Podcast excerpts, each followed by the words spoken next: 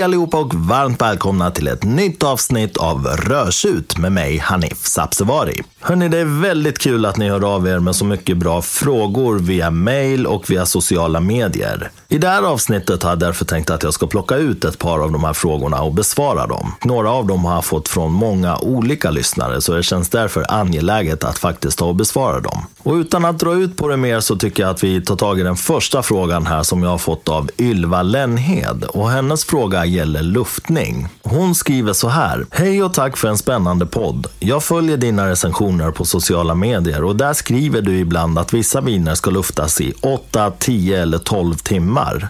Och ibland skriver du att de ska luftas bara en till två timmar eller ännu kortare. Jag tycker det är krångligt att veta hur länge jag måste lufta ett vin och jag kan inte heller riktigt avgöra när vinet är färdigluftat. Finns det någon praktisk tumregel som jag kan följa? Hej Ylva och tack för din fråga. Ja, det här med luftning är rätt komplicerat och det finns ingen bra tumregel som jag bara kan dra som du kan applicera på alla viner. Men däremot så finns det ett par principer som man kan ha i åtanke. Generellt sett kan man säga att ju strävare och fylligare ett vin är, desto längre behöver det luftas. Men åldern är en väldigt viktig faktor att ha i åtanke här.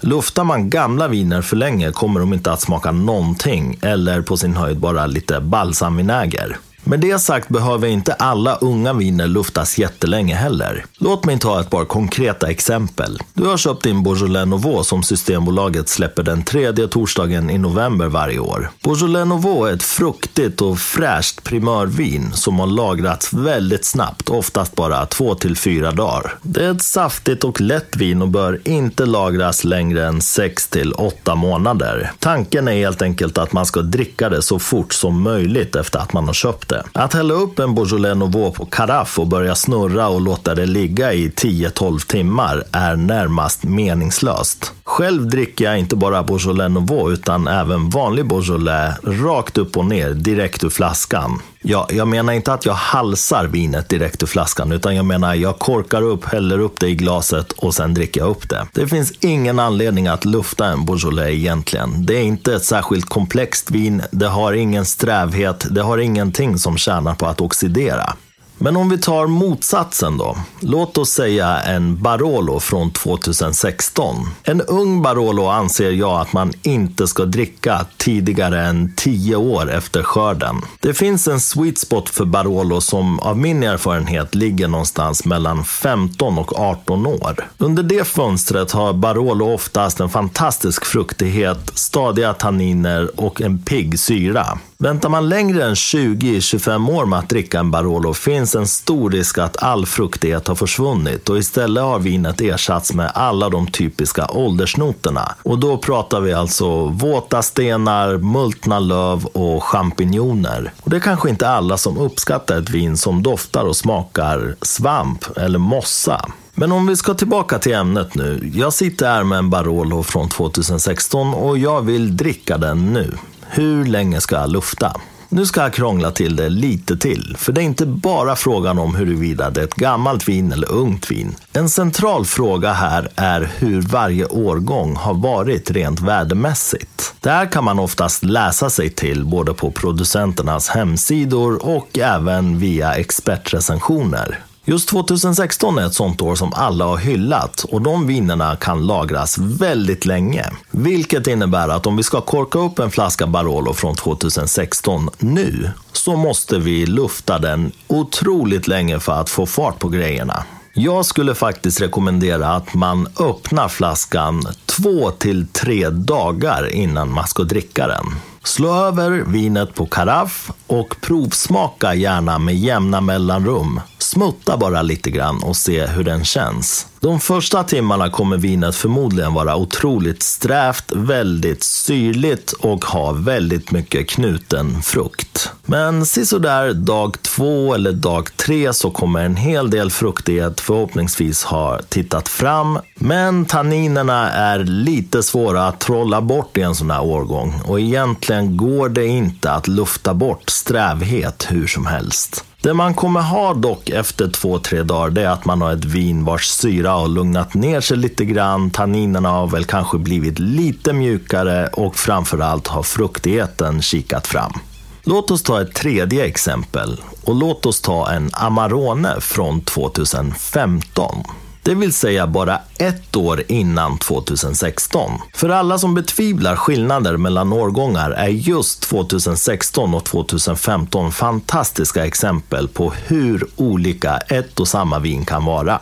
Särskilt om vi håller oss till Italien. Jag ska ta ett väldigt konkret exempel som jag drack själv nyligen nämligen en 2015 års Masi Costa Sera Amarone della Valpolicella Classico. Det här vinet finns att köpa på Systembolaget precis just nu och det har artikelnummer 2345 och kostar 319 kronor. Jag valde att öppna en sån här flaska fastän jag vet att det kanske är mellan 8 till 12 år för tidigt. Men det är ju en 2015 och jag vet av erfarenhet vid det här laget att 2015 års viner från Italien är generellt sett väldigt tillgängliga redan nu.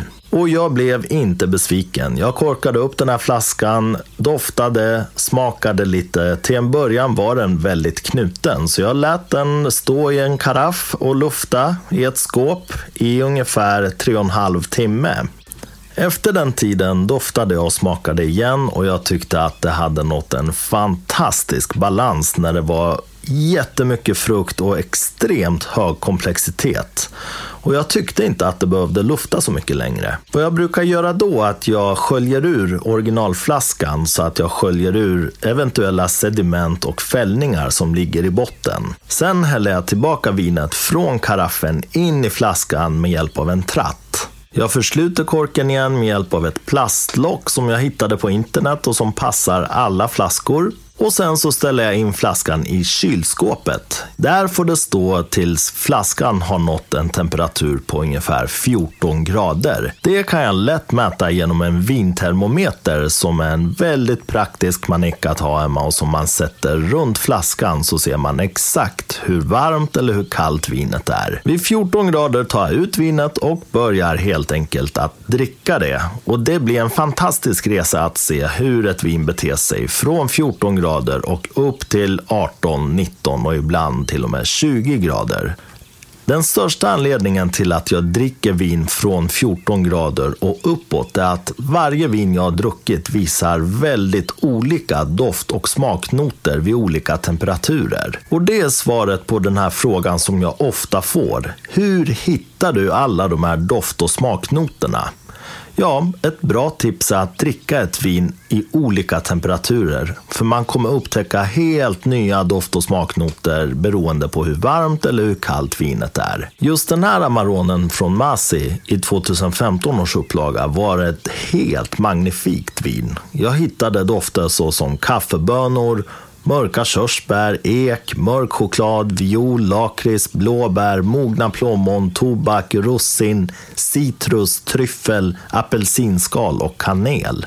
I smaken var det en väldigt modern Amarone som inte alls hade den här jobbiga, alkoholiga kvalmigheten och en tung smak av romrussin som liksom lägger sig som en slöja över hela tungan. Istället fick man mogna körsbär, mogna plommon, granatäppeljuice och mörk choklad med lite kanel i. Ett fantastiskt vin med ett strukturerat avslut med smak av kaffebönor och kakao med hög komplexitet. Det här vinet är väldigt tillgängligt redan nu, men det kan lagras i minst 10 år till. Och jag skulle föreslå att man köper en låda med sex flaskor och dricker en flaska vartannat år. Så kommer man att upptäcka vilka fantastiska skillnader det blir ju längre vinet får mogna i källaren. Och för att sammanfatta svaret på din fråga Ylva, så tycker jag att det här med luftning har mycket med erfarenhet att göra. Jag är själv långt ifrån fullärd. Det är man ju aldrig när det gäller vin. Men jag tycker att jag blir bättre och bättre på det. Ett bra tips är också att kanske rikta in sig på olika regioner eller olika stilar och testa det under en längre tid. Man kommer då få en väldigt god uppfattning om hur länge ett vin ska luftas inom den stilen eller från den regionen. Men kom ihåg att årgången är av yttersta vikt när det gäller luftning. Så ju äldre vin, desto mindre luftning brukar det generellt sett behövas. Jag har själv just nu en period där jag nästan uteslutande dricker bordeauxviner. Och då menar jag äldre bordeauxviner från 95, 96 och bakåt till ungefär 1980-1981. I början kände jag mig rätt osäker för jag kom från en lång period där jag nästan uteslutande hade druckit italienska viner. Jag visste inte exakt hur länge jag ska lufta de här bordeauxvinerna för att det ska bli en maximal upplevelse.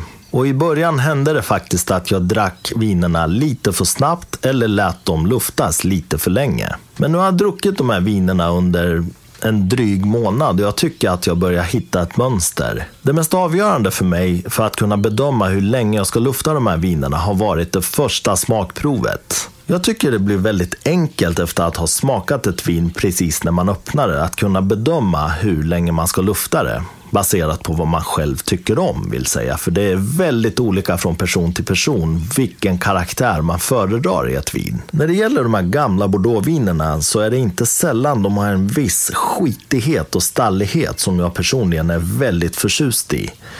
Den stalligheten brukar faktiskt försvinna om man luftar för länge, vilket jag personligen inte vill. Så därför har jag gjort så att de 80-tals bordeauxer som jag har druckit har jag nästan druckit direkt ur flaskan.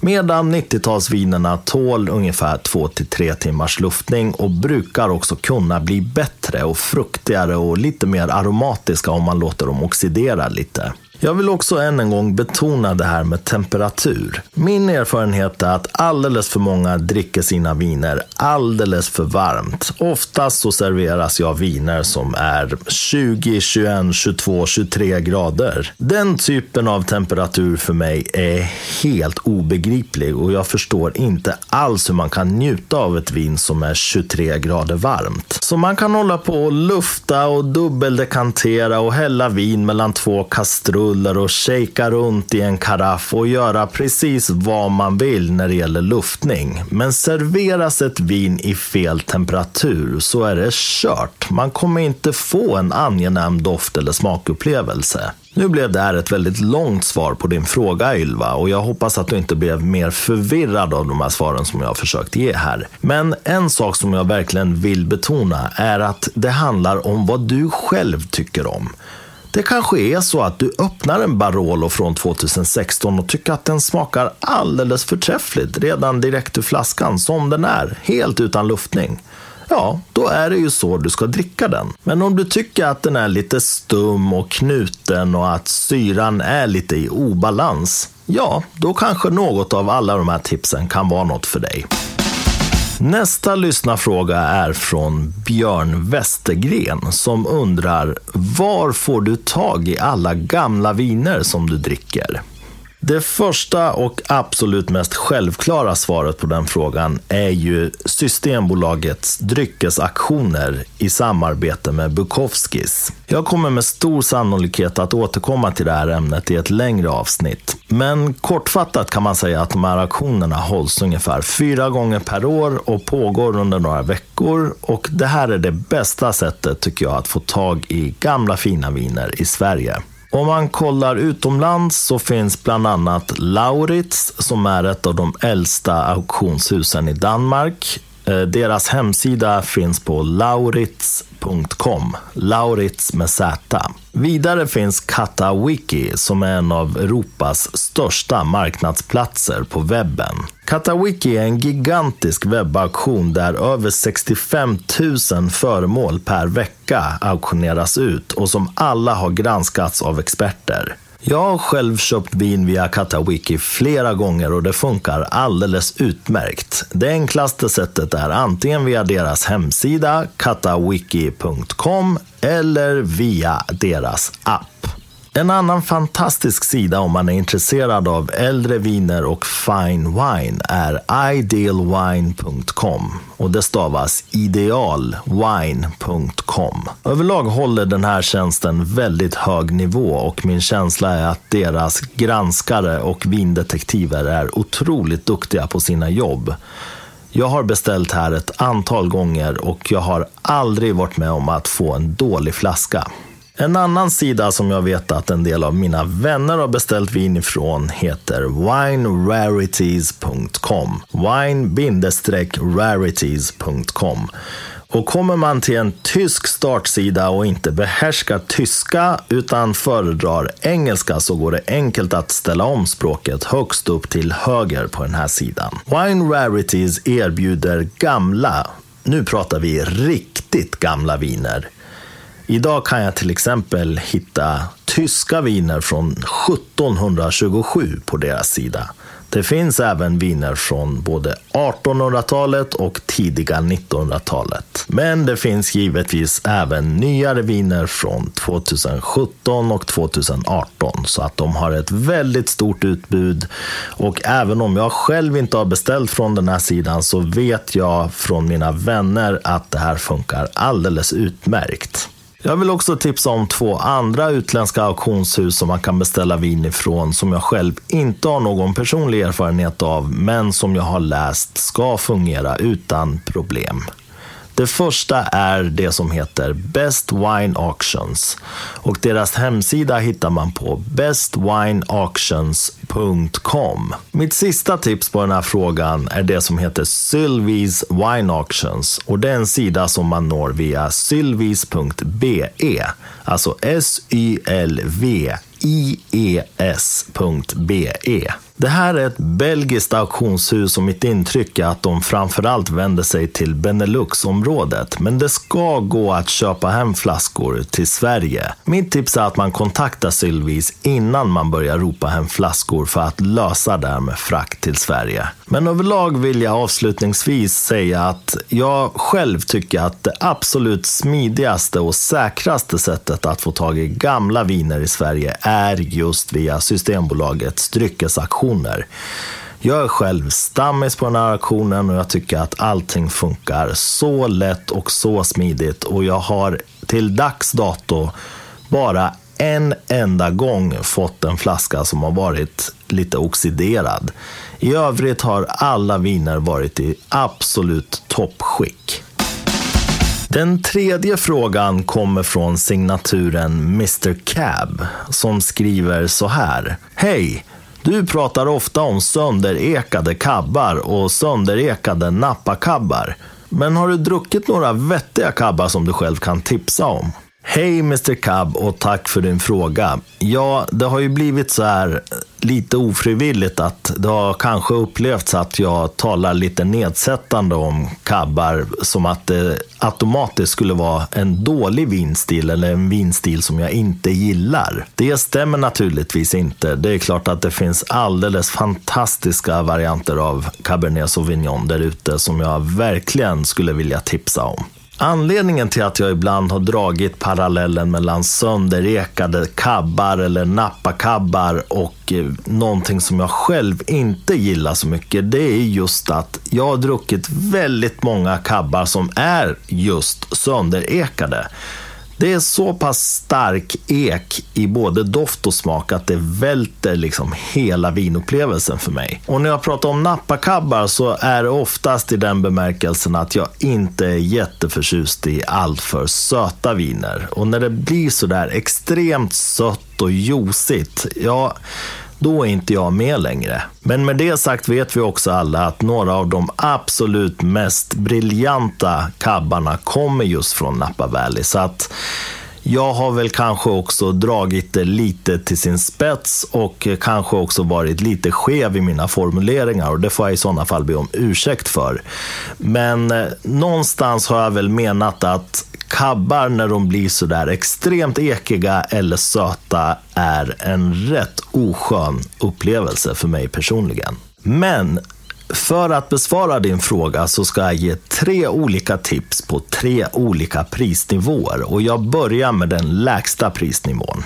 Mitt första tips är ett vin som heter Ringbolt och det är en ren Cabernet Sauvignon då. Det här vinet kostar 149 kronor och Systembolagets artikelnummer är 6278. Mer prisvärt vin får man nästan leta efter. Det här var ett fantastiskt fräscht och friskt vin för att vara en cabernet. Och Australien levererar ju ofta sådana här väldigt juiciga, saftiga, fina viner. Men det här hade också någonting annat som var liksom mycket mer komplext. Och det var extremt fruktigt och fräscht. Speciellt om man serverar det i rätt temperatur då. Det tycker jag är någonstans någonstans mellan 15 och 17 grader. Ringbolt är en cabernet som man kan dricka här och nu. Och flaskan är försluten med skruvkork, vilket tyder ännu mer på att det inte är ett vin som man behöver lagra jättelänge. Även nästa vin som jag tänker tipsa om är faktiskt ett vin som man kan dricka relativt snart. Man skulle kunna vänta ungefär 3, 4, 5 år, men det är väldigt tillgängligt redan nu. Och det är faktiskt en Napa Cab som heter Louis M. Martini Napa Valley Cabernet Sauvignon från 2017. Det här vinet kostar 299 kronor på Systembolaget och artikelnumret är 6723. Det här är faktiskt ett utmärkt exempel på en nappacab som inte drunknar i sockerlag. Utan sötman är otroligt fint balanserad, liksom syrligheten. Och det är så fylligt och så smaskigt. Och man får de här fantastiska noterna av björnbär, plommon och svarta vinbär. Den har också en härlig rökighet och jordighet. Och så finns ju de här väldigt typiska noterna av grön paprika och även faktiskt hushållsost som jag själv hittar i väldigt många caberneter.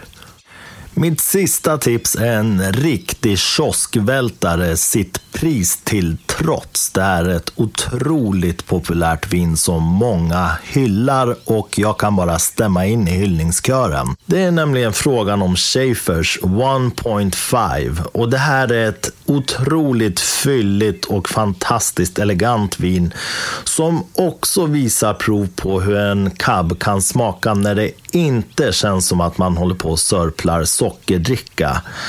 Här har vi noter av vanilj, choklad, björnbär, plommon. Och den har också, liksom Louis and Martini, den här rökigheten och jordigheten. Och det är peppar och det är körsbär och det är viol och det är grön paprika. Och den har en nötighet och gräddighet som är helt underbar. Det här är ett vin som man kan lagra minst tio år framöver om man nu ens får tag i en flaska från de här senaste årgångarna som är 2016 och 2017. Men får man det så föreslår jag att man slänger sig över den. Och de brukar kosta någonstans runt 899 kronor på Systembolaget och det är väl investerade pengar. Så för att avsluta det här svaret på din fråga, Mr Cab, så har jag här alltså faktiskt gett två tips på just nappakabbar och Ringbolt då som är ett australiensiskt vin. Så jag hoppas att du får tillfälle och möjlighet att testa de här tre vinerna om du inte redan har gjort det. Den sista frågan som jag tänkte att besvara i det här lite kortare mellanavsnittet av Rörsutpodden kommer från Margareta Ekberg i Solna. Och det här är mer en språkfråga kan man kanske tycka, men jag tycker ändå att det är en relevant och intressant fråga. Hon skriver så här. Hejsan och tack för en mycket rolig och spännande podd som jag lär mig mycket av. Ibland säger du och skriver du i dina recensioner att ett vin är bjussigt. Vad betyder det? Hej Margareta. Ja, bjussigt, eller som vissa faktiskt säger, bussigt, förknippar jag med ett vin som är extremt fruktigt och generöst och rikt. Det finns viner som är strama och lite knutna hur mycket man än lagrar och luftar och håller på. Men ett bjussigt vin för mig, det är alltså helt enkelt ett generöst, fruktigt vin som är rikt och det ger massor av fantastiska fantastisk frukt i munnen när man dricker det. Så att man gärna vill fortsätta dricka det igen och igen och gärna i snabb takt ett eh, bjussigt vin för mig är oftast ett lite yngre vin skulle jag väl säga som har mycket av sina fräscha, friska, härliga, generösa frukter kvar och inte har tippat över i de här tyngre, dova, jordiga noterna och de här noterna av eh, hav och våta stenar och multna löv och, och eh, mossa och skog och sånt där som väldigt gamla viner kan dofta. Så med ett bjussigt vin menar jag helt enkelt ett extremt generöst, fruktigt och eh, rikt härligt vin som ger en stor och fräsch smakupplevelse. Bjussiga viner för mig tillhör inte alls med nödvändighet någon speciell region eller innehåller inte heller någon viss druva eller liknande, utan det handlar helt enkelt om en karaktär på en del viner som gör att man upplever dem som så extremt bjussiga och fruktiga. Och ett tips som jag kommer på så här bara på rak arm är ju ett vin som jag har tipsat om väldigt många gånger i den här podden och som jag själv inte kan sluta dricka och som jag har druckit nu över 15-20 gånger bara det här året. Och det är det som heter Barbera de Alba Superiore av producenten GD Vaira. Finns på Systembolaget för 199 riksdaler med artikelnummer 23071. 23071 och där har du jättebra exempel på ett bjussigt vin som inte bara innehåller en massa andra fantastiska egenskaper utan det bjuder på så mycket härliga körsbär och skogshallon och plommon som man blir helt tagen när man dricker det. Det är liksom helt makalöst mumsigt och smarrigt och man sköljer nästan ner hela flaskan i ett svep. Så där har du ett väldigt bra exempel på ett bjussigt vin som får eh, smaklökarna att dansa och le.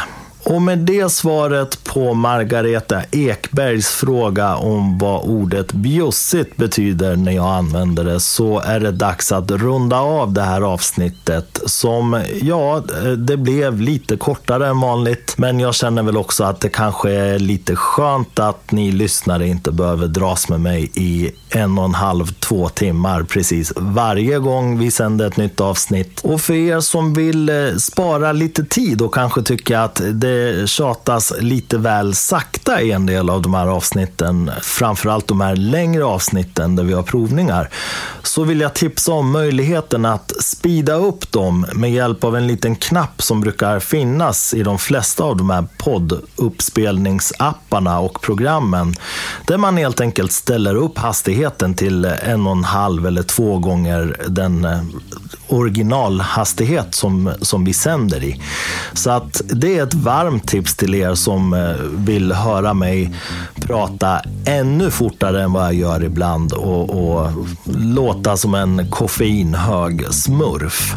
Eh, så det är mitt absolut sista tips för idag.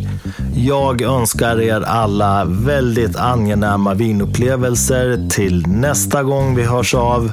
Och glöm nu för guds skull inte att ett glas schysst vin slår alla bag boxar i världen.